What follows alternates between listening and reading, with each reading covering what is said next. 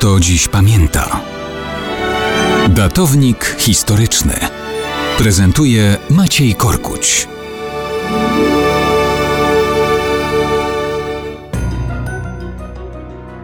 Mało kto dziś pamięta, że 5 września 1869 roku rozpoczęła się budowa Disneylandu, a właściwie zamku Śpiącej Królewny z Disneylandu.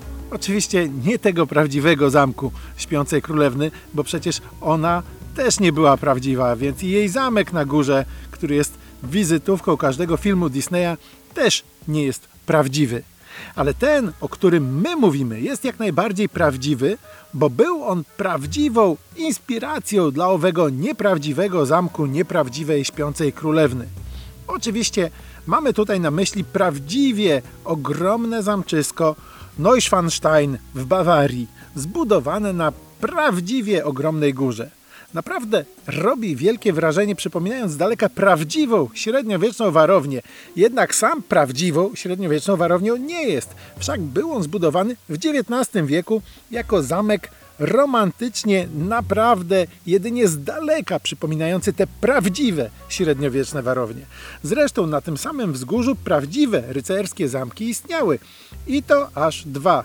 Tyle, że były naprawdę mniejsze od tego nieprawdziwego, czyli nowego, czyli tego, który był prawdziwym wzorcem dla nieprawdziwego zamku nieprawdziwej śpiącej królewny. I te prawdziwe zamki do naszych czasów nie dotrwały. Zresztą te prawdziwe małe zabierałyby dzisiaj przecież miejsce dla tego dużego, nieprawdziwego, średniowiecznego, chociaż prawdziwego XIX-wiecznego zamku Neuschwanstein.